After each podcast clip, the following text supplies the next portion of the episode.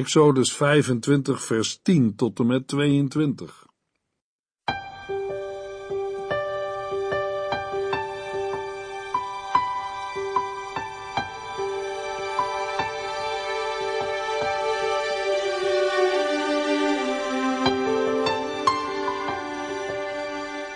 Hartelijk welkom bij De Bijbel Door, een programma van Transworld Radio.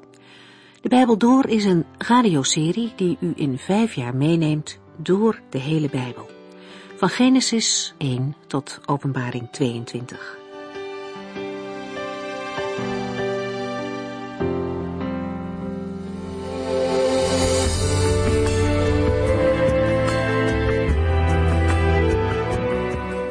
Vandaag beginnen we met Exodus 25 na een korte terugblik. We hebben het de vorige uitzending gehad over het moment dat de Heere met Israël een verbond sloot. Het volk bleef op afstand staan. Mozes, Aaron, de twee oudste zonen en de zeventig oudsten van Israël kwamen dichterbij. Uiteindelijk was Mozes de enige die heel dicht bij God kon komen. Wat een groot verschil is dat met deze tijd, waarin elke gelovige vrijmoedig, dus zonder angst, naar de Here toe mag gaan. Het volk Israël was vol met goede wil. Ze beloofden van harte om Gods wetten te houden. Helaas zou de tijd hen en ons leren dat dat in de praktijk niet makkelijk is. Mozes en de mannen die bij hem zijn, krijgen iets van de heerlijkheid van God te zien, voordat Mozes verder de berg opklimt.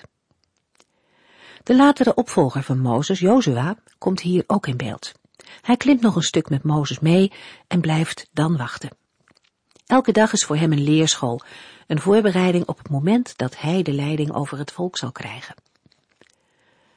Veertig dagen bleef Mozes bij God en kwam toen terug met twee stenen tafelen. God had er zelf zijn geboden opgeschreven.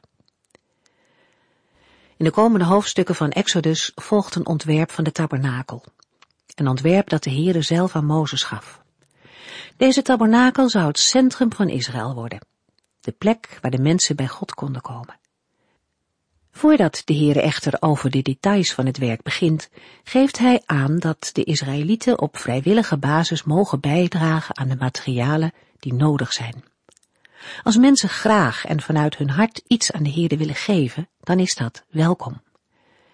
De gezindheid waarmee mensen iets aan de Heerde geven, is voor hem heel belangrijk. Wanneer het zover is, blijkt dat Israël heel graag zijn rijkdommen inzet voor de tabernakel van de Heere. Er komt zelfs te veel. Maar laten we eerst verder kijken naar de bouwvoorschriften voor de tabernakel en wat daarin thuis hoorde.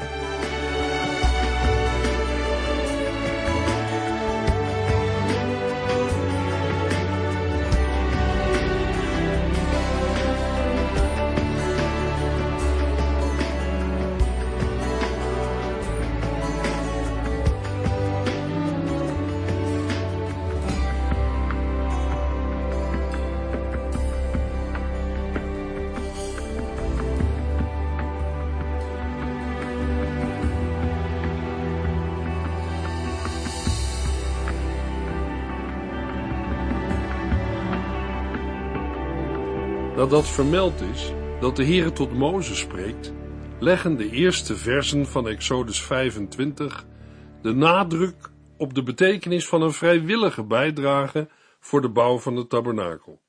De Heere dwingt niet om te geven, maar hij heeft een blijmoedige gever lief. Na de opsomming van materialen wordt in vers 8 het doel genoemd. Alles dient voor de bouw van een heiligdom waarin de Heere wil wonen. Dit wonen is de belangrijkste functie van de tabernakel. Het wonen van de Heere God bij mensen mondt in het Nieuwe Testament uit in het wonen van Christus op aarde. De tabernakel moet gemaakt worden overeenkomstig de aanwijzingen die de Heere aan Mozes geeft. Het woord tabernakel is afgeleid van een Latijns woord dat tent of woning betekent. Mozes ontvangt de voorschriften voor de bouw tijdens zijn verblijf op de berg Sinaï, Exodus 24. De beschrijvingen van de tabernakel in de Bijbel geven soms aanleiding tot verschillende reconstructies. Aan Mozes werd nauwkeurig getoond hoe de tabernakel gebouwd moest worden. Hebreeën 8 vers 5. Exodus 25 vers 9. Het moet een grote tent worden, een tabernakel.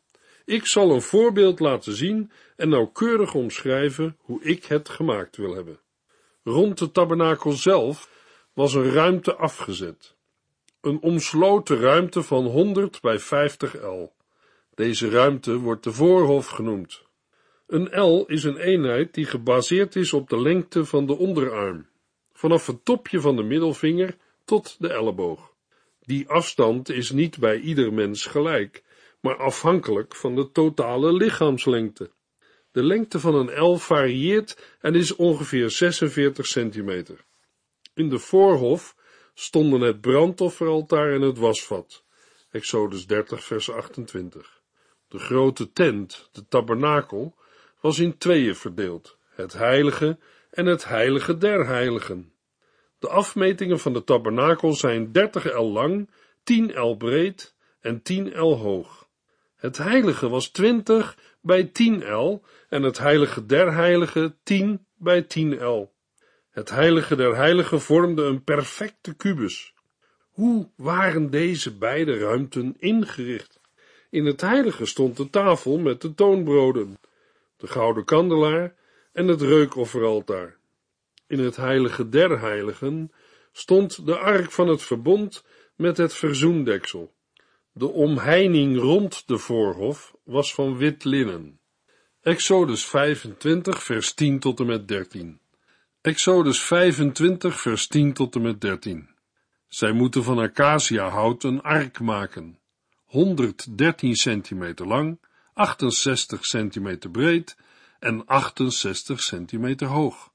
Van binnen en van buiten moet die ark worden overtrokken met zuiver goud en er moet een gouden omlijsting omheen komen. Smeet vier gouden ringen en bevestig die aan de vier laagste hoeken van de ark. Aan beide kanten twee. Maak van acaciahout draagstokken en overtrek die ook met goud. De ark van het verbond met het verzoendeksel was de plek waar de Heere God de Israëlieten zou ontmoeten.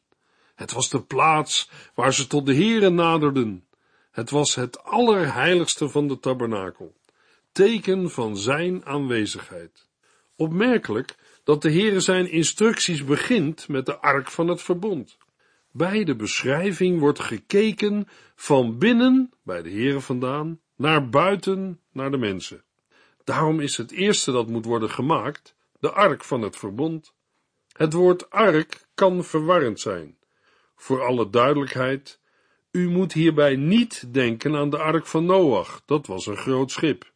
Aan de afmetingen kunt u zien dat het hier gaat om een soort kist die overtrokken moest worden met zuiver goud. De naam ark komt van het Latijnse woord voor kist, arca.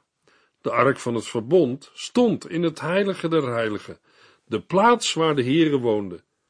Als we de tabernakel vanuit het gezichtspunt van de Israëlieten benaderen, dan zien we alleen de omheining met de ingang.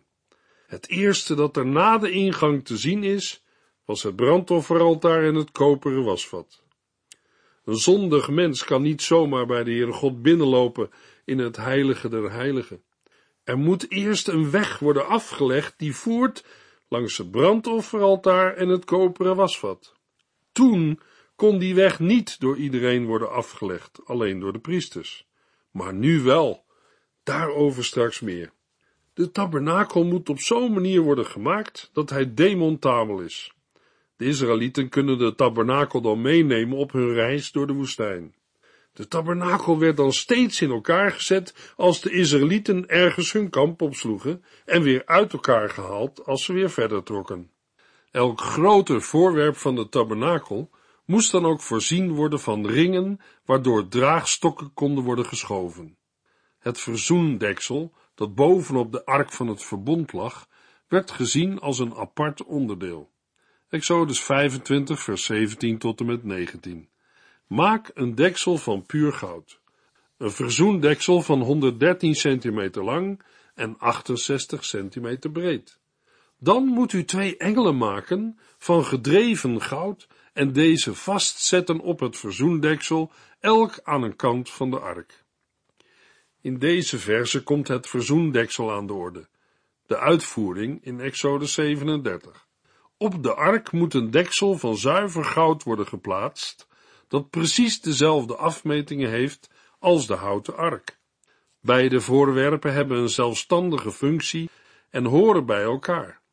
Er moeten twee gerubs van goud vervaardigd worden, die met het deksel één geheel vormen. Gerubs zijn engelen, hemelse wezens, die bewaarders zijn van de kostbare schat, de getuigenis die in de ark neergelegd is.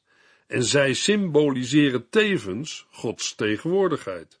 De gerubvoorstellingen komen ook voor bij de buurvolken. Zij worden ook afgebeeld op het voorhangsel van de tabernakel, Exodus 36. Gedreven goud betekent dat het goud geklopt of geslagen is, letterlijk hard gemaakt, door er met een hamer op te slaan. Met hun uitgespreide vleugels moeten de gerubs het oppervlak bedekken, waarbij hun blik naar beneden gericht is. Exodus 25, vers 20. De engelen moeten hun vleugels naar boven uitspreiden, zodat ze het verzoendeksel bedekken en in elkaars richting kijken. Zij moeten neerkijken op het verzoendeksel. De hele ark van het verbond representeert de aanwezigheid van de Heere. In het bijzonder is de Heere aanwezig tussen het verzoendeksel en de vleugels van de gerubs. Vanaf die plaats spreekt hij. In de latere tempel van Salomo zijn er grote gerubs, die de hele ark overdekken. 1 Koningen 8 en Hebreeën 9. De Heere zal met Mozes samenkomen op deze afgesproken plaats. Mozes is de middelaar tussen hem en de Israëlieten. Mozes moet daar de voor Israël bestemde bevelen in ontvangst nemen. De ark van het verbond wordt ook de bewaarplaats van de tien geboden. De ark zelf en de gerubs worden niet vereerd, alleen de Heere God van het verbond. Later, in de tijd van de priester Eli, wordt de ark ten onrechte als beschermmiddel gezien. David weigert die veronderstelde bescherming. 2 Samuel 15. Na de tempelbouw tijdens de regering van Salomo werd de ark naar de tempel overgebracht.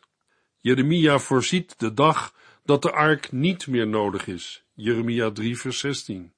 Waarschijnlijk is de ark bij de vernietiging van de tempel in 586 voor Christus verloren gegaan.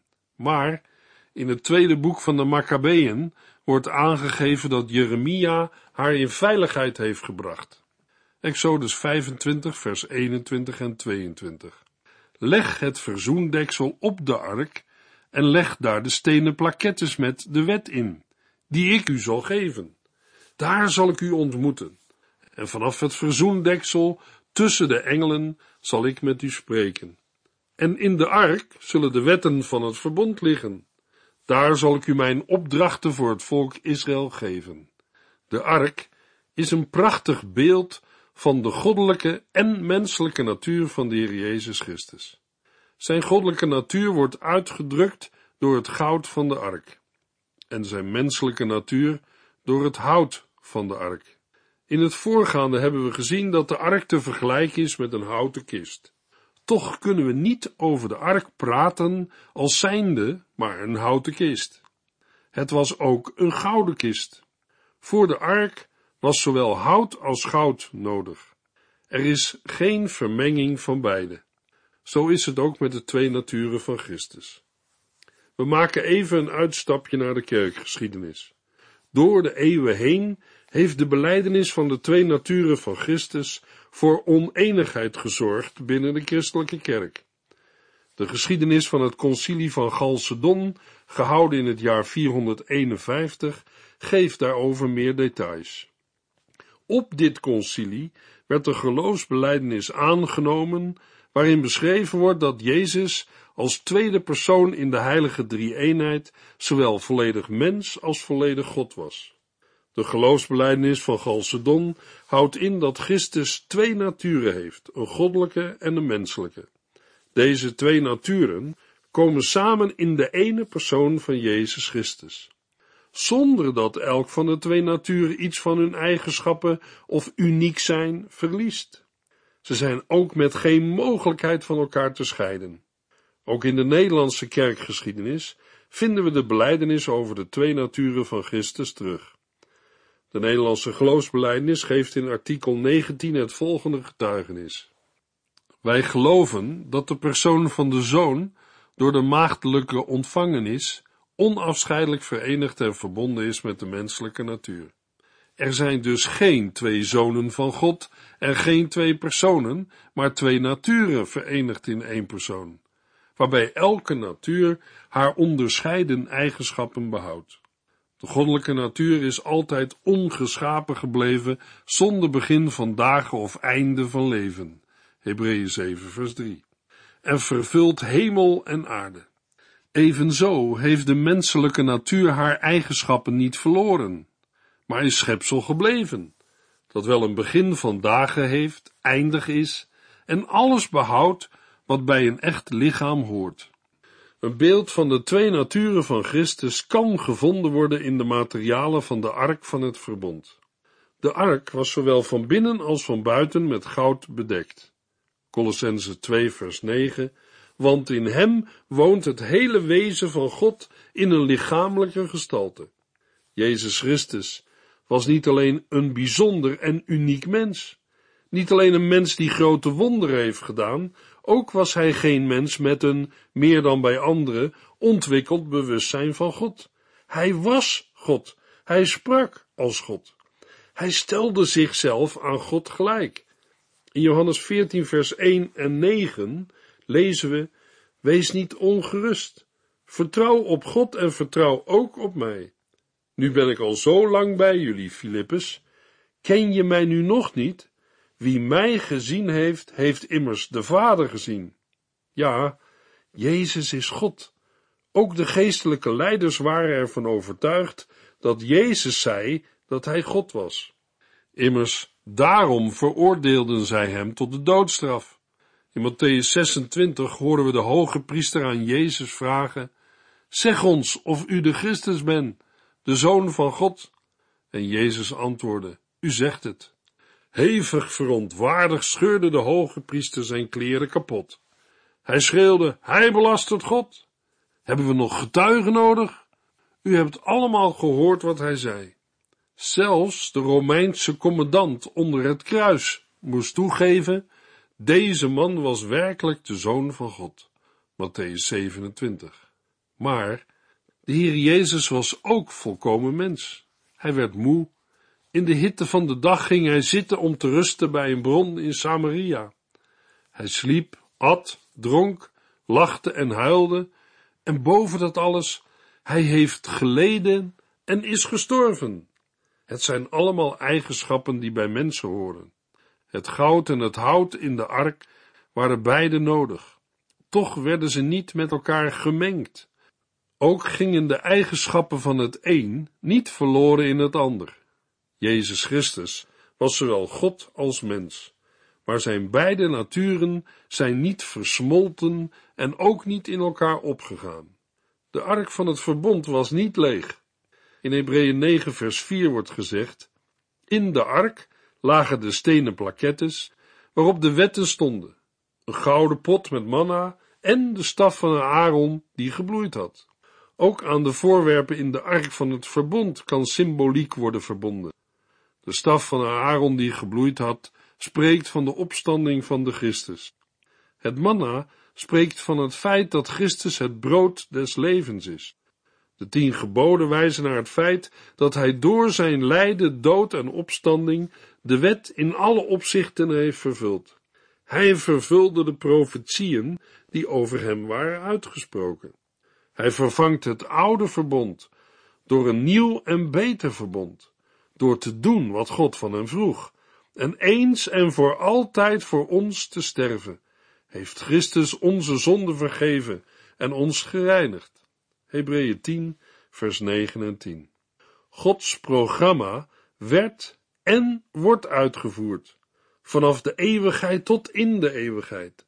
Op een dag komt Christus als de koning der koningen en de Heere der heren. De gouden pot met manna spreekt van Christus als profeet.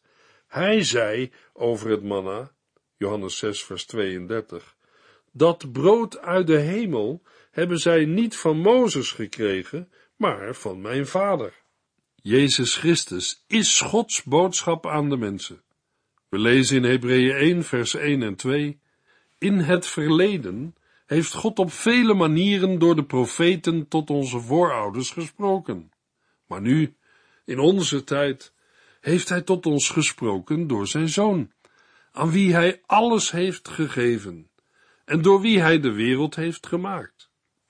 In en door Christus heeft de Heer alles gezegd wat voor ons mensen nodig is om gered te worden. In Christus heeft de levende God zijn hart laten zien. Christus betekent gezalfde. In het Oude Testament werden koningen, priesters en profeten door de Heere aangesteld en gezalfd. Alle drie zien we in Christus verenigd. De Heere Jezus wordt Christus genoemd, dat is gezalfde, omdat hij door God de Vader is aangesteld en met de Heilige Geest gezalfd, tot onze hoogste profeet en leraar, die ons het verborgen raadsbesluit en de wil van God aangaande onze verlossing volkomen heeft geopenbaard. Hij is ook door God de Vader aangesteld en gezalfd tot onze enige hoge priester, die ons met het enige offer van zijn lichaam verlost heeft en met zijn voorbeden steeds voor ons pleit bij de Vader. Ten slotte, God de Vader heeft hem ook gesteld en gezalfd tot onze eeuwige koning, die ons door zijn woord en geest regeert en ons in de verworven verlossing beschermt en bewaart. Ook de ark van het verbond wijst al naar Christus als profeet, priester en koning. Het woord werd een mens en leefde een tijd lang onder ons. Hij was vol genade en waarheid en we hebben gezien hoe groot hij is, de enige zoon van de hemelse vader. Johannes 1 vers 14. Bovenop de ark van het verbond rustte het verzoendeksel. Het was de bovenkant van de ark. Ze horen bij elkaar, maar worden apart genoemd. Het verzoendeksel was gemaakt van zuiver goud. Maak een deksel van puur goud, een verzoendeksel van 113 centimeter lang en 68 centimeter breed. Dan moet u twee engelen maken van gedreven goud en deze vastzetten op het verzoendeksel, elk aan een kant van de ark. De engelen moeten hun vleugels naar boven uitspreiden, zodat ze het verzoendeksel bedekken en in elkaars richting kijken. Ze moeten neerkijken op het verzoendeksel. Exodus 25, vers 17 tot en met 20. De engelen keken neer op het verzoendeksel. Daarop sprenkelde de hoge priester het bloed van het offerdier. Het was het bloed dat het deksel tot verzoendeksel maakte. Ook dit bloed wees symbolisch naar het werk van Christus. 1 Petrus 1 vers 18 en 19 U weet toch wat een geweldige losprijs God heeft betaald om u vrij te kopen van het lege bestaan dat u, net als uw voorouders, leidde. U bent niet vrijgekocht met iets wat vergaat, zoals zilver en goud, maar met het kostbare bloed van een volmaakt en vlekkeloos lam, het bloed van Christus. Christus bloed is kostbaarder dan zilver of goud. Het kostbaarste in de hemel is het bloed dat hij voor de mensen op aarde stortte. Hij bood zijn bloed aan toen hij de hemel binnenkwam en daarom is Gods troon voor ons vandaag een verzoendeksel. We worden vandaag genodigd naar God te komen op grond van het gegeven dat Jezus Christus, onze grote hoge priester, zijn eigen bloed voor onze zonde heeft geofferd. Hebreeën 4 vers 14 tot en met 16 herinnert ons daaraan. Dit betekent dat Jezus, de Zoon van God, onze grote hoge priester is, die naar de hemel is gegaan om ons te helpen. Daarom moeten wij geen ogenblik aan hem twijfelen. Deze hoge priester begrijpt onze zwakheden, omdat hij dezelfde verleidingen heeft gekend als wij. Maar hij heeft er geen ogenblik aan toegegeven. Hij heeft nooit gezondigd. Laten we daarom vrijmoedig naar de troon van God gaan om van Hem genade te ontvangen, om hulp te krijgen, juist in die ogenblikken dat wij het moeilijk hebben. Via Christus mogen en kunnen mensen tot God naderen. Hij is onze hoge priester in de hemel. Hij is de levende Christus aan Gods rechterhand. Door Hem vinden we genade en hulp. Veel mensen proberen de strijd hier beneden alleen te voeren. Ze proberen de problemen van het leven alleen aan te pakken. Maar een mens is uit zichzelf niet in staat om dat te doen. Wij zijn niet sterk genoeg. Wij hebben hulp nodig. Luisteraar, maakt u gebruik van de hulp die Jezus Christus u aanbiedt? Paulus bidt voor de gelovigen in de stad Efeze. Ik bid dat u zult beseffen hoe ontzaglijk groot de kracht is die werkzaam is in ons die in hem geloven. Door diezelfde kracht is Christus uit de dood teruggekomen om de belangrijkste plaats naast God in te nemen. Efeziërs 1. Wat zien we vandaag van de kracht die werkzaam is in ons die in hem geloven? Laten wij het gebed van Paulus voor elkaar bidden. Luisteraar, ik bid voor u dat u zult beseffen hoe ontzaglijk groot de kracht is die werkzaam is in ons die in hem geloven. Geloof in hem. Hij is de hoge priester die zit aan de rechterhand van God de Vader. De hoge priester die in de tabernakel diende, kwam het heilige binnen, sprenkelde het bloed op het verzoendeksel en moest daarna weer naar buiten. Maar Christus, de hoge priester van het nieuwe verbond, heeft eens en voor altijd zichzelf als offer gebracht. Hij zit nu aan de rechterhand van God, de Vader. Hij stierf hier op aarde om ons te redden. Hij leeft nu in de hemel en, ik hoop, in uw hart. Vandaag kan een mens met hem in contact komen en blijven. Heeft u hem vandaag al gesproken? Dat kan, door te bidden. Ja, maar wat moet een mens bidden? Misschien dit gebed uit Matthäus 6. Onze Vader, die in de hemel zijt, uw naam worden geheiligd, uw koninkrijk komen. Uw wil geschieden gelijk in de hemel, alzo ook op de aarde. Geef ons heden ons dagelijks brood. En vergeef ons onze schulden, gelijk ook wij vergeven onze schuldenaren. En leid ons niet in verzoeking, maar verlos ons van de boze. Want van u is het koninkrijk en de kracht en de heerlijkheid in der eeuwigheid. Amen.